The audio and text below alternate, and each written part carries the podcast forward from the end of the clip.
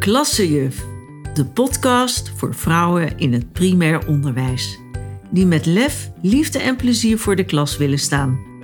Mijn naam is Karen Wessels en ik ben enorm gedreven om je te helpen je rol in het communicatieproces vanuit een ander perspectief te bekijken, zodat je op een bewuste en natuurlijke manier je leert te verbinden met je omgeving.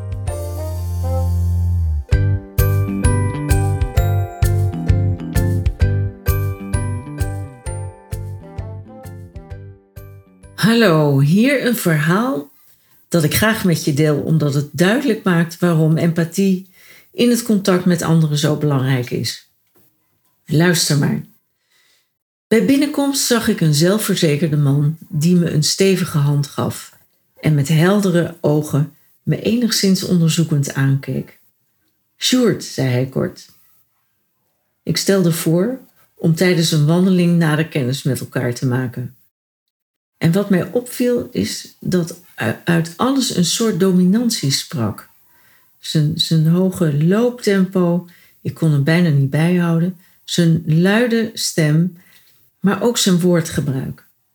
Maar hij vertelde dat hij met veel plezier werkte op de school, waar een aantal zwakke leerlingen zaten, ook in zijn klas. Maar dat hij daar prima mee kon werken. Zijn passie was geschiedenis en dat bracht hij graag over op de leerlingen door verhalen te vertellen die hij dan weer illustreerde met voorwerpen of zelfs met bezoekjes op locatie waar zich bepaalde dingen hadden afgespeeld. Super spannend natuurlijk. Ook vertelde hij over zijn achtergrond. Dat hij de eerste was in zijn familie die een hogere opleiding had genoten en dat hij daardoor wel een beetje een buitenbeentje was toen ik daarop doorvroeg, kwamen we te spreken over zijn eigen gezin. Twee jonge kinderen en een werkende vrouw. Best wel zwaar van tijd tot tijd. Oh, wat vind je daar zo zwaar aan? vroeg ik. Hij aarzelde even. Maar ik zei dat het belangrijk was om open en eerlijk te zijn naar mij, omdat ik daardoor veel sneller resultaat met hem zou kunnen boeken. Je moet weten dat ik door zijn directeur was gevraagd om hem te coachen omdat hij de laatste tijd regelmatig klachten kreeg over meester Sjoerd.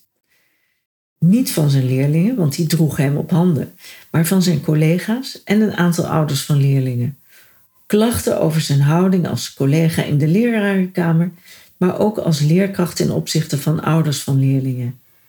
Ook had hij veelvuldig contact met diverse instanties namens de school en de directeur maakte zich daar ook een beetje zorgen over. Zijn directe manier van communiceren nodigde mij uit om hetzelfde te doen. En ik vroeg hem op de man af wat er volgens hem speelde. Hij stak van wal en zei: Het zal wel te maken hebben met die moeder. Welke moeder? vroeg ik. Nou, die moeder van dat jongetje dat altijd wat heeft. Hij heeft overal last van, klaagt altijd en doet slecht mee met de les. Met zo'n moeder snap ik dat. Die komt regelmatig op school om te vragen of ik niet wat aardiger tegen haar zoontje kan doen. Of laatst dreigde ze zelfs naar de directeur te gaan omdat ze vond dat ik ongeschikt was voor mijn werk. En daarom loop ik nu met jou hier buiten. Hij leek gefrustreerd en ik vroeg hem of dat klopte. Ja, natuurlijk ben ik dat, zei hij. Toch kon dit niet de enige reden zijn in mijn ogen. Immers als leerkracht heb je wel vaker pittige gesprekken met ouders. Ik confronteerde hem daarmee, maar hij zweeg. Om het gesprek gaande te houden, vroeg ik hem iets meer over zijn leven en de thuissituatie te vertellen. Wat wil je weten? Nou, zei ik, vertel me eens iets over je gezin. Je zegt dat je het best zwaar vindt van tijd tot tijd. Wil je me daar iets meer over vertellen? Weer aarzelde hij. Maar na enig aandringen vertelde hij dat zijn vrouw net weer aan het werk was gegaan en dit heel erg zwaar vond. En ook vertelde hij dat een jaar geleden zij hun pasgeboren kind hadden verloren.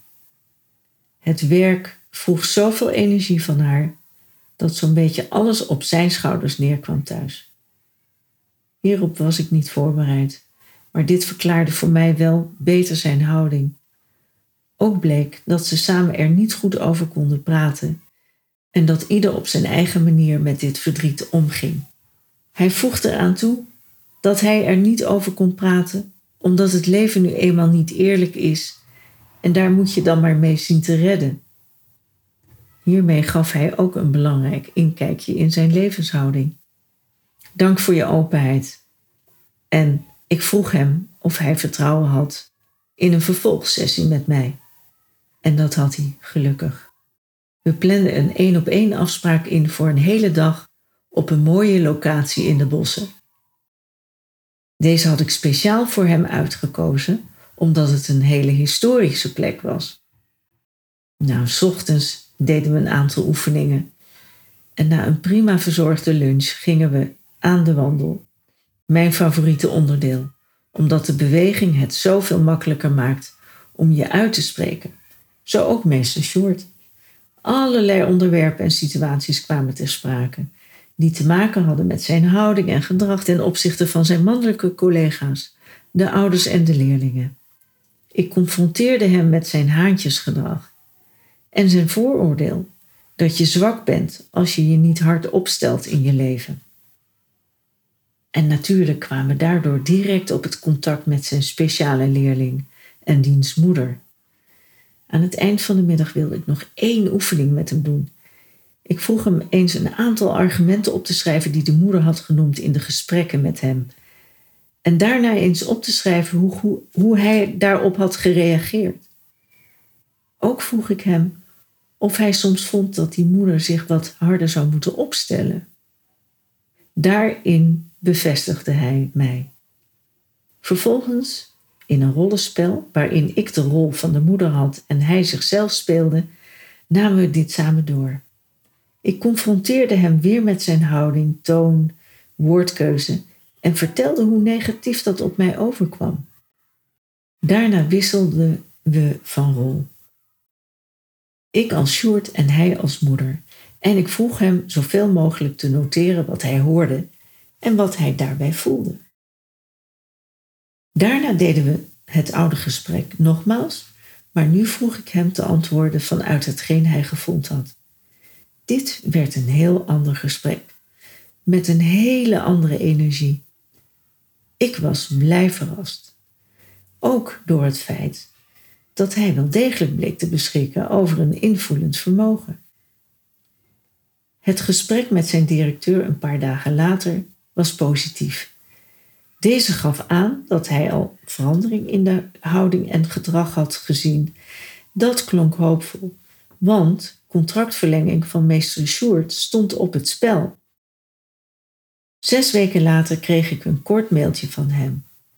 In de bijlage het beoordelingsformulier, waarop stond dat hij volgens zijn collega's duidelijk vooruitgang had geboekt in het contact met hen. En daaronder stond een opmerking van de directeur dat het contact met de moeder zodanig was verbeterd omdat hij haar de ruimte had gegeven vaker met hem in gesprek te gaan. Hij gaf haar tijd en ruimte over haar zoontje te praten, haar zorgenkindje. Hij dacht zelfs met haar mee, wat weer heel positief afstraalde op de leerling. Met vriendelijke groet, Sjoerd stond eronder. Dit was zijn manier om me te bedanken. Ik vind het een mooi verhaal. En daarom vertel ik het jou ook. Omdat het zo'n duidelijk voorbeeld is van het belang van het versterken van je empathisch vermogen. Hopelijk inspireert het jou ook om je daar eens wat meer in te verdiepen. Want het is niet iedereen gegeven, zoals je merkt, om je te kunnen verplaatsen in de ander.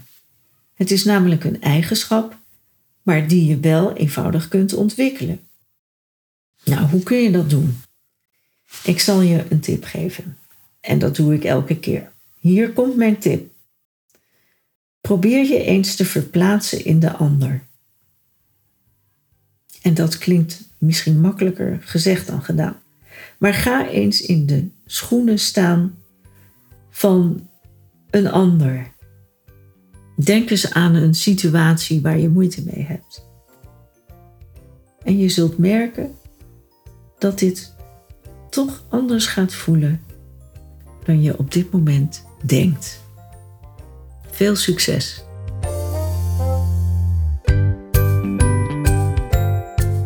Dank voor je aandacht. Wil je geen aflevering meer missen? Abonneer je dan op de podcast in je favoriete podcast-app. Meer weten? Kijk dan tussen de show notes van deze aflevering. Graag tot de volgende keer.